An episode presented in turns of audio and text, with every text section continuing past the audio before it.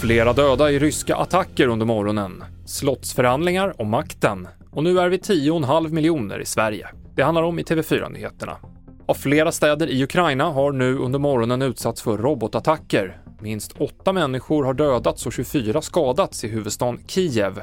Och vår utrikeskommentator säger att det knappast är någon slump att det här sker efter helgens sprängning av bron till Krim något som Ryssland har beskrivit som ett terrordåd. Ja, det här är första gången sedan i juni som Kiev attackeras och den här vågen av attacker mot städer långt in i Ukraina är ju naturligtvis inte en slump.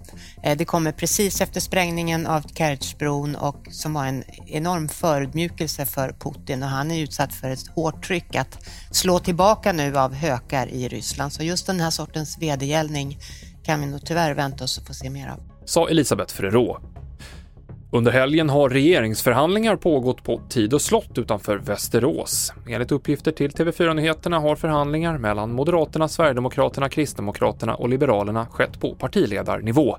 Vår reporter Karl Mogren är på plats vid slottet. Ja, vi vet egentligen ingenting om vad som ska ha sagts under de här förhandlingarna men alltså enligt uppgifter till oss så ska partiledarna för de partier som eh, bildar Ulf Kristerssons eh, kommande regeringsunderlag ha befunnit sig här eh, på Tidö slott under helgen och förhandlat. Vi har ställt frågan till partierna.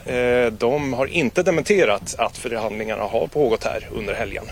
Och på onsdag så går tiden ut för Ulf Kristersson att bilda regering och han ska då träffa talmannen. Och Sverige har passerat 10,5 miljoner invånare.